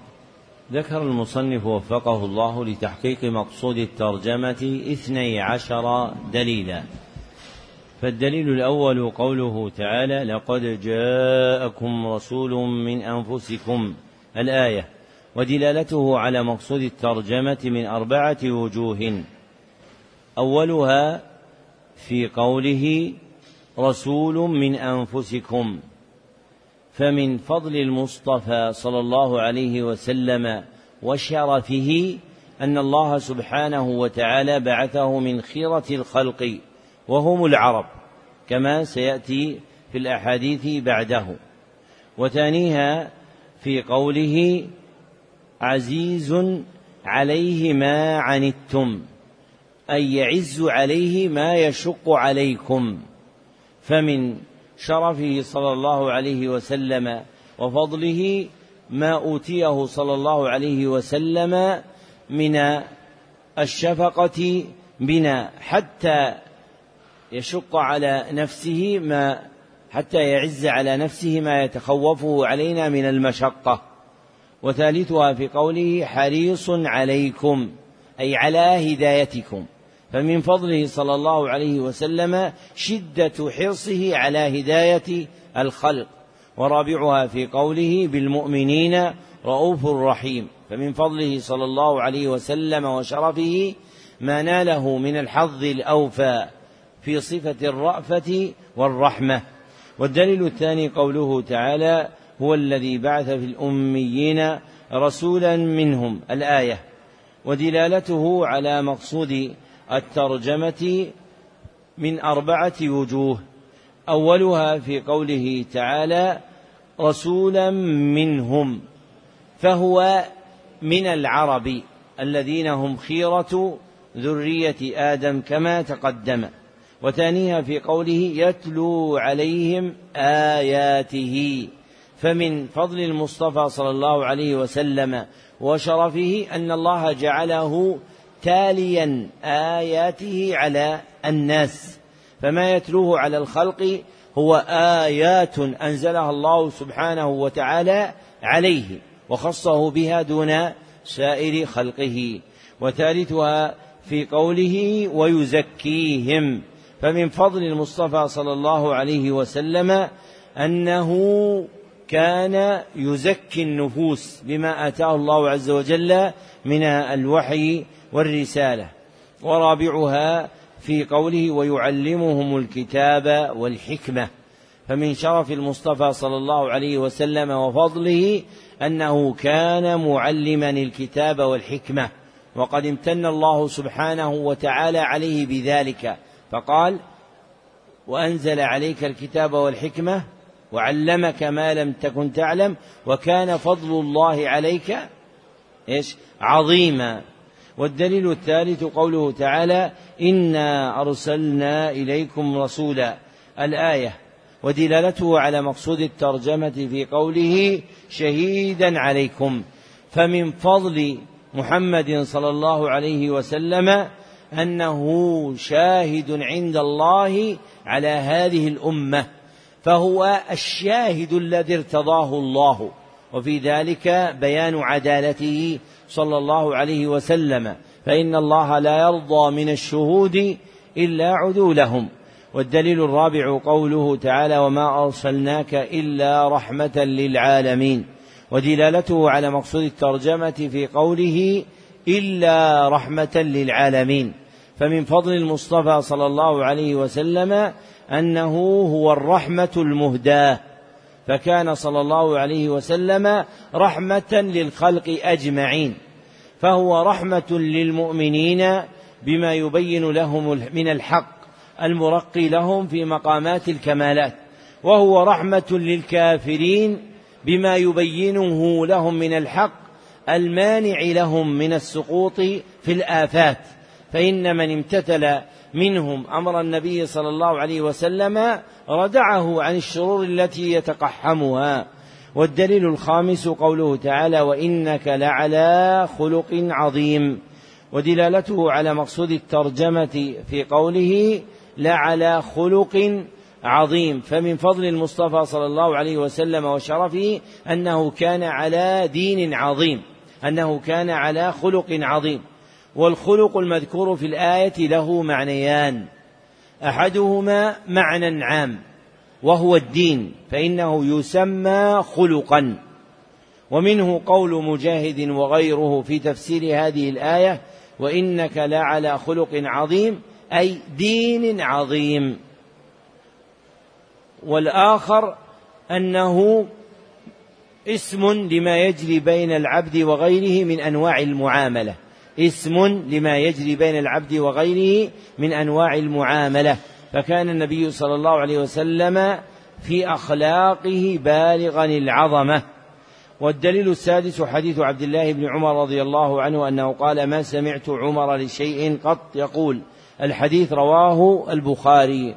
ودلالته على مقصود الترجمة في قوله رجل فصيح يقول لا إله إلا أنت يعني النبي صلى الله عليه وسلم.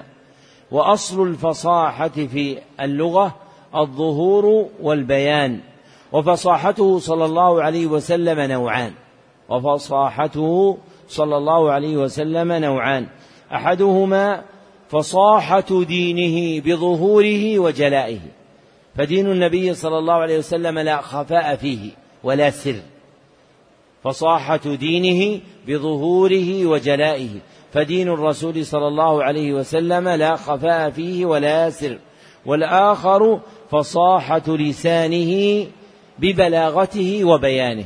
فصاحة لسانه ببلاغته وبيانه. فكان النبي صلى الله عليه وسلم أفصح الناس.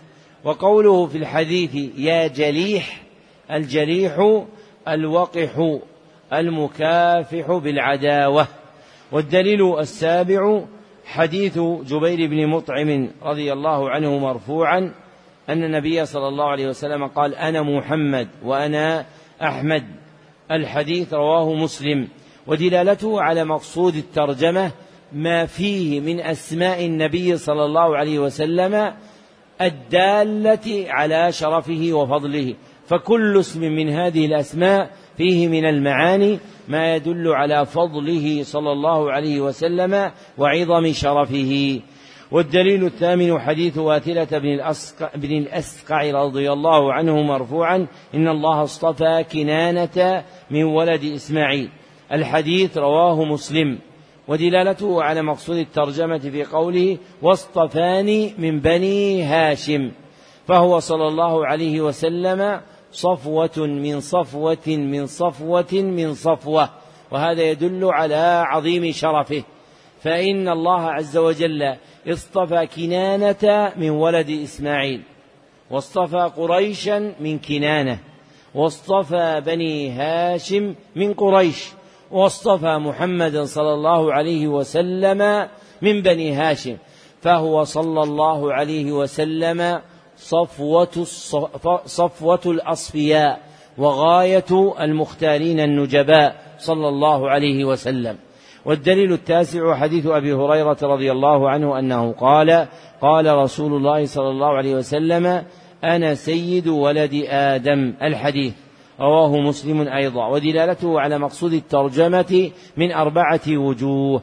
أولها في قوله أنا سيد ولد آدم يوم القيامة. فله صلى الله عليه وسلم السيادة على ذرية آدم أجمعين. وثانيها في قوله وأول من ينشق عنه القبر. فالنبي صلى الله عليه وسلم هو أول من يخرج من قبره. فمقدم الخلق في الخروج من الظلمات إلى النور بما كان عليه من دين الحق يكون مقدمهم عند الله سبحانه وتعالى بالخروج من ظلمة القبر إلى نور البعث. والوجه الثالث في قوله وأول شافع أي أول مبتدئ الشفاعة. فأول من يشفع عند الله عز وجل هو النبي صلى الله عليه وسلم. ورابعها في قوله وأول مشفع أي أول مكرم بإمضاء شفاعته صلى الله عليه وسلم. والدليل العاشر حديث علي رضي الله عنه مرفوعا أعطيت ما لم يعط أحد من الأنبياء. الحديث ودلالته على مقصود الترجمة في قوله أعطيت ما لم يعط أحد من الأنبياء. فمن فضله صلى الله عليه وسلم أن له من المواهب الربانية. والمنح الإلهية والأعطيات الرحمانية ما لم يكن لغيره من الأنبياء الذين هم صفوة خلق الله من ذرية آدم. ومن جملة ما أعطي ما ذكر في هذا الحديث في قوله نصرت بالرعب وأعطيت مفاتيح الأرض إلى آخر ما ذكر صلى الله عليه وسلم. والدليل الحادي عشر حديث عبد الله بن عمرو حديث عبد الله بن عمرو بن العاص رضي الله عنه مرفوعا إذا سمعتم المؤذن. الحديث رواه مسلم. ودلالته على مقصود الترجمة في قوله ثم سلوا الله لي الوسيلة فإنها منزلة في الجنة. الحديث ففيه أن أعظم الخلق يرجى أن يكون فائزا بالوسيلة هو محمد صلى الله عليه وسلم لما كان عليه من أحوال الكمال التي ترشح بها إلى هذه المرتبة العظيمة. والدليل السادس عشر حديث ثوبان رضي الله عنه أن النبي صلى الله عليه وسلم قال إن الله زوالي الأرض. الحديث رواه مسلم. ودلالته على مقصود الترجمة من أربعة وجوه. أولها في قوله وإن أمتي سيبلغ ملكها ما زوي لي منها ففيه سعة ملك أمته الذي هو سعة ملكه صلى الله عليه وسلم فإنه إمام هذه الأمة. والملك الذي كان له صلى الله عليه وسلم لا كملك الملوك. فإن الملوك يملكون الأرض والأبدان. وأما النبي صلى الله عليه وسلم فإن الله سبحانه وتعالى آتاه ما آتاه من اتباع الخلق بما في قلوبهم من الإيمان وتعظيمه صلى الله عليه وسلم فانقادوا له مذعنين. وثانيها في قوله وأعطيت الكنزين الأحمر والأبيض أي الذهب والفضة. ففيه بيان سعة ما يفتح على أمته صلى الله عليه وسلم من بعده من أمر الدنيا. وثالثها في قوله وإني سألت ربي لأمتي ألا يهلكها بسنة عامة فمن فضل النبي صلى الله عليه وسلم وشرفه أنه أوتي أن أمته لا يأخذها هلاك جامع. أن أمته لا يأخذها هلاك جامع فلا تهلك أجمع بأمر واحد. ورابعها في قوله وألا يسلط عليهم عدوا من سوى أنفسهم فيستبيح بيضتهم يعني جماعتهم بأن يستحلها بما يسفك من الدماء ويصيب من الأموال والنساء والأولاد. فأوتي النبي صلى الله عليه وسلم ذلك. فمن شرفه وفضله ما أوتيه في أمته من حفظهم وعدم تسليط عدوهم عليهم. نعم. قلتم باب حق النبي صلى الله عليه وسلم. اللهم صل عليه وسلم. مقصود الترجمة بيان حق النبي صلى الله عليه وسلم علينا. بيان حق النبي صلى الله عليه وسلم علينا. والحق اسم لما ثبت ولزم. اسم لما ثبت ولزم. وأعلاه ما ثبت ولزم بطريق الشرع. ومن جملته ما ثبت في شرعنا ولزمنا لنبينا صلى الله عليه وسلم. نعم. قلتم وقول الله تعالى فآمنوا بالله ورسوله النبي الأمي الذي يؤمن بالله وكلماته واتبعوه لعلكم تهتدون. وقوله تعالى لتؤمنوا بالله ورسوله وتعزروه وتوقروه. وقوله تعالى وما آتاكم الرسول فخذوه وما نهاكم عنه فانتهوا وقوله تعالى فلا وربك لا يؤمنون حتى يحكموك فيما شجر بينهم ثم لا يجدوا في أنفسهم حرجا مما قضيت ويسلموا تسليما وقوله تعالى قل إن كنتم تحبون الله فاتبعوني يحببكم الله ويغفر لكم ذنوبكم والله غفور رحيم وقوله تعالى فليحذر الذين يخالفون عن أمره أن تصيبهم فتنة أو يصيبهم عذاب أليم. وقوله تعالى إن الله وملائكته يصلون على النبي يا أيها الذين آمنوا صلوا عليه وسلموا تسليما. وعن أنس رضي الله عنه قال قال النبي صلى الله عليه وسلم لا يؤمن أحدكم حتى أكون أحب إليه من والده وولده والناس أجمعين. متفق عليه. وعن أبي هريرة رضي الله عنه أن رسول الله صلى الله عليه وسلم قال كل أمتي يدخلون الجنة إلا من أبى. قالوا يا رسول الله ومن يأبى؟ قال من أطاعني دخل الجنة ومن عصاني فقد أبى. رواه البخاري. وعن أنس رضي الله عنه قال قال النبي صلى الله عليه وسلم فمن رغب عن سنتي فليس مني. متفق عليه وفيه قصة. وعن تميم الداري رضي الله عنه أن النبي صلى الله عليه وسلم قال الدين النصيحة قلنا لمن؟ قال لله ولكتابه ولرسوله ولأئمة المسلمين وعامتهم رواه مسلم. وعن أبي هريرة رضي الله عنه قال قال رسول الله صلى الله عليه وسلم لا تجعلوا بيوتكم قبورا ولا تجعلوا قبري عيدا. وصلوا علي فإن صلاتكم تبلغني حيث كنتم. رواه أبو داود وإسناده حسن. وعن عمر رضي الله عنه قال سمعت النبي صلى الله عليه وسلم يقول لا تطروني كما أطرت النصارى ابن مريم فإنما أنا عبد فقولوا عبد الله ورسوله رواه البخاري. وعن أنس رضي الله عنه أن أناسا قالوا لرسول الله صلى الله عليه وسلم يا خيرنا وابن خيرنا ويا سيدنا وابن سيدنا. فقال رسول الله صلى الله عليه وسلم أيها الناس يا أيها الناس عليكم بقولكم ولا يستهوينكم الشيطان إني لا أريد أن ترفعوني فوق منزلتي التي أنزلنيها الله تعالى أنا محمد بن عبد الله عبده ورسوله. رواه النسائي في السنن وإسناده صحيح. ذكر المصنف وفقه الله لتحقيق مقصود الترجمة أربعة عشر دليلا.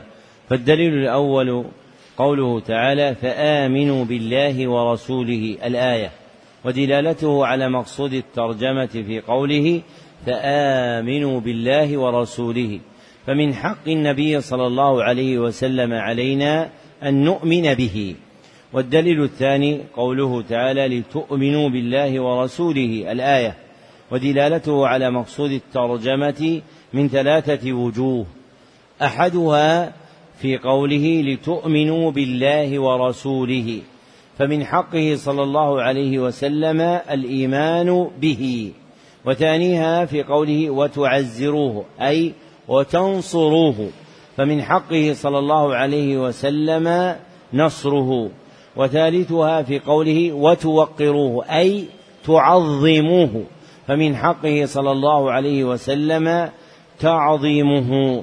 فهذه الآية من أجمع الآيات في بيان حقوق النبي صلى الله عليه وسلم فإنها جمعت أصول حقه صلى الله عليه وسلم علينا. والدليل الثالث قوله تعالى وما آتاكم الرسول فخذوه الآية. ودلالته على مقصود الترجمة في قوله فخذوه وقوله فانتهوا فمن حق النبي صلى الله عليه وسلم علينا أن نأخذ ما آتانا وأن ننتهي عما نهانا. والدليل الرابع قوله تعالى فلا وربك لا يؤمنون الآية. ودلالته على مقصود الترجمة في قوله حتى يحكموك فيما شجر بينهم أي فيما جرى بينهم من الاختلاف. فمن حقه صلى الله عليه وسلم رد الأمر إلى حكمه عند الاختلاف. رد الأمر إلى حكمه عند الاختلاف.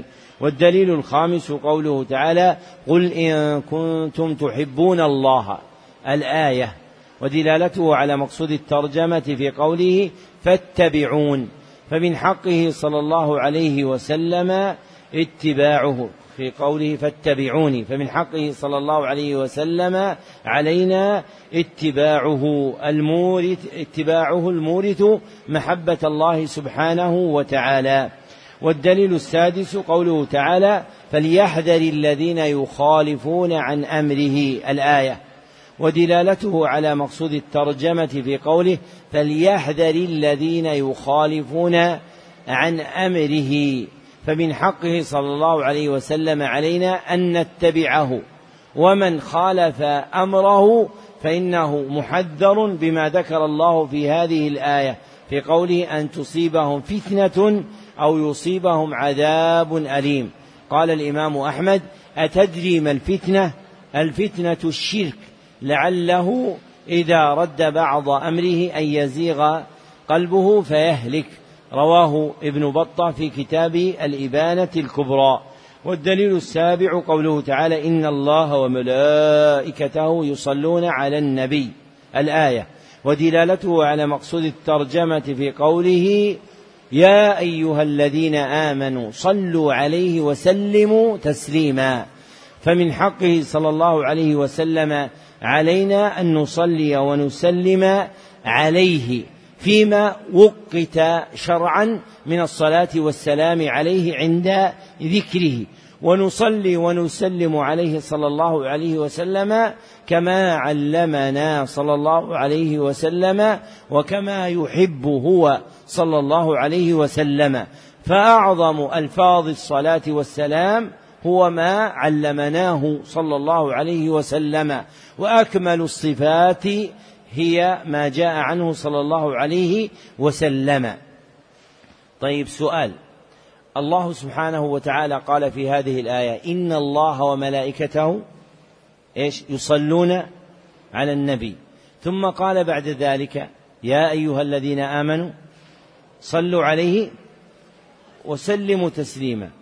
ما ذكر في الآية أن الله وملائكته يسلمون؟ وإنما ذكر أنهم يصلون. ثم لما أمرنا أمرنا بالصلاة والسلام. لماذا؟ نعم. إيش؟ ارفع صوتك. لأن الله هو السلام. وإذا كان هو السلام؟ ها؟ الحديث لا تقول السلام على الله. نحن لا نقول الآن السلام على الرسول صلى الله عليه وسلم. هذا الكلام. لماذا لم يقع من الله وملائكته؟ الجواب لأن أصل السلام هو السلامة من التعرض له بنقص أو عيب وهذا لا يكون من الله ولا من الملائكة. وأما من الخلق فإنه يكون منهم ذلك. فإنهم عابوه صلى الله عليه وسلم وانتقصوه. فلما كان الأذى متصورا من الناس إلى النبي صلى الله عليه وسلم حذرنا منه فأمرنا بأن نصلي عليه صلى الله عليه وسلم وأن نسلم عليه صلى الله عليه وسلم.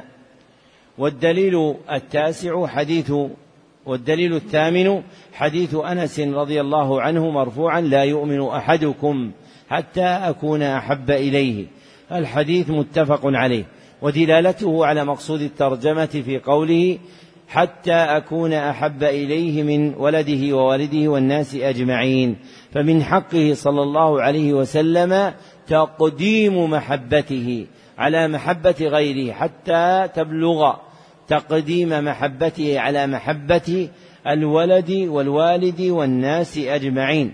بل في حديث عمر وجوب تقديم محبته صلى الله عليه وسلم على محبة النفس.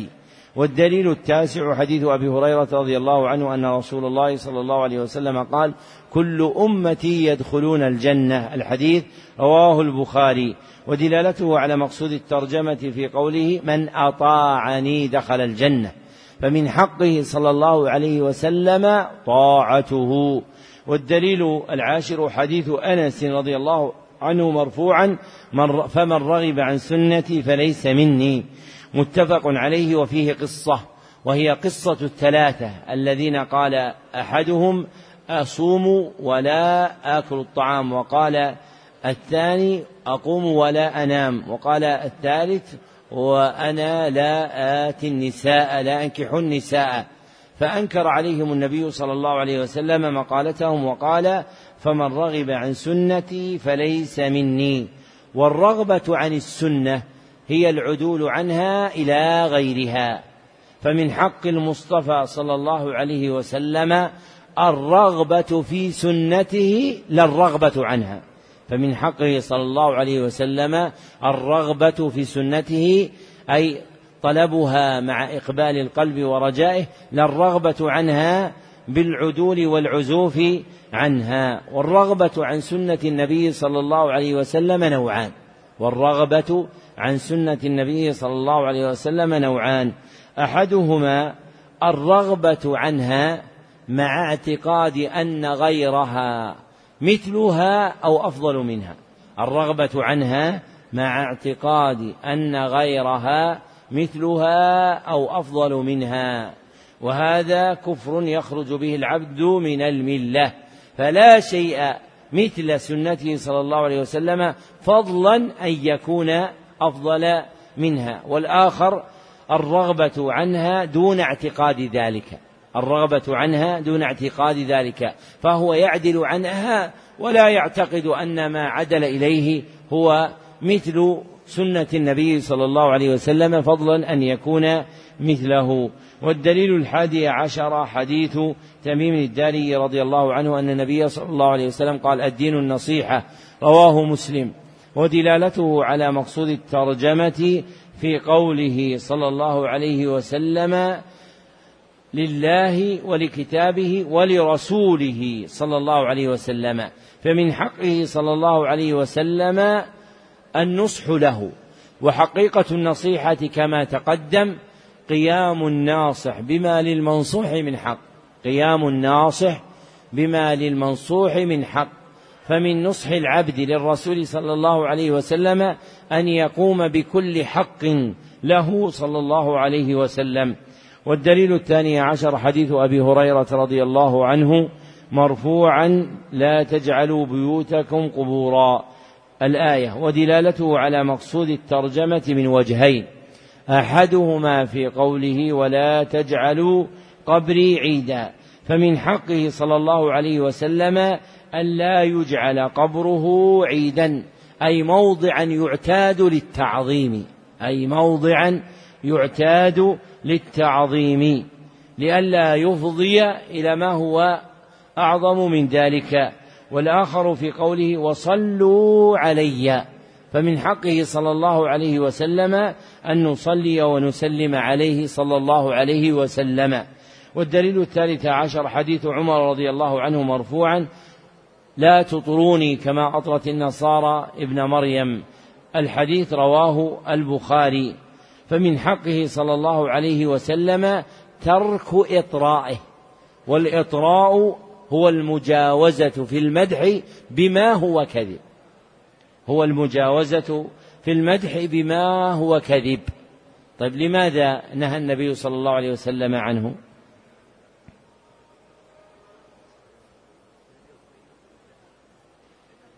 لاستغنائه صلى الله عليه وسلم بما له من مدائح الصدق. لاستغنائه صلى الله عليه وسلم بما له من مدائح الصدق.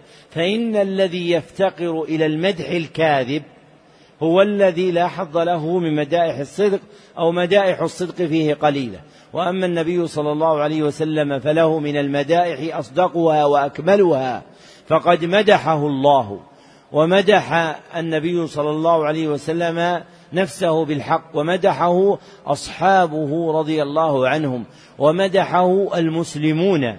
فمدحه صلى الله عليه وسلم بمدائح الصدق مأذون به واقع في القرآن والسنة وانعقد عليه الإجماع. وإنما النهي عن مدائح الكذب التي كلف بها المتأخرون ووقعوا فيها. فصاروا يذكرون من مدائح الكذب ما لا تصح نسبته إلى النبي صلى الله عليه وسلم. وإذا كان أحد من معظم الخلق يفرح بمديحة كذب فإن النبي صلى الله عليه وسلم متنزه عنها. فمن صدق محبته صلى الله عليه وسلم أن يمدح بالصدق بما مدحه الله عز وجل ومدحه به نفسه ومدحه به أصحابه رضي الله عنهم. والدليل الرابع عشر حديث أنس رضي الله عنه أن أناسا قالوا لرسول الله صلى الله عليه وسلم يا خيرنا. الحديث رواه النسائي في السنن الكبرى وإسناده صحيح ودلالته على مقصود الترجمة في قوله إني لا أريد أن ترفعوني فوق منزلة التي أنزلني أنزلنيها الله تعالى. فمن حق النبي صلى الله عليه وسلم علينا الوقوف إلى المنزلة التي أنزله الله سبحانه وتعالى بأن لا نتجاوزها. فمن تجاوزها فقد وقع فيما يغضب النبي صلى الله عليه وسلم. فإن النبي صلى الله عليه وسلم انتهى إلى قدر. فإنه لما قرب إلى ربه فصعد به إلى السماء انتهى النبي صلى الله عليه وسلم إلى سدرة المنتهى. فكانت سدرة المنتهى هي المنتهى ولم يرفع النبي صلى الله عليه وسلم فوق ذلك. وكذلك في الحياة الدنيا فيما أمرنا وأخبرنا به جعل له صلى الله عليه وسلم حد لا يتجاوزه فهو عبد لا يعبد. ورسول لا يكذب بل يصدق صلى الله عليه وسلم ويتبع. وليس من محبته صلى الله عليه وسلم أن ترفعه فوق الرتبة التي أنزله الله عز وجل إياها. فإنه صلى الله عليه وسلم بنفسه أعلم وما أمرنا به أحكم. وهذا آخر البيان على هذه الجملة من الكتاب ونستكمل بقيته بعد صلاة العصر بإذن الله تعالى.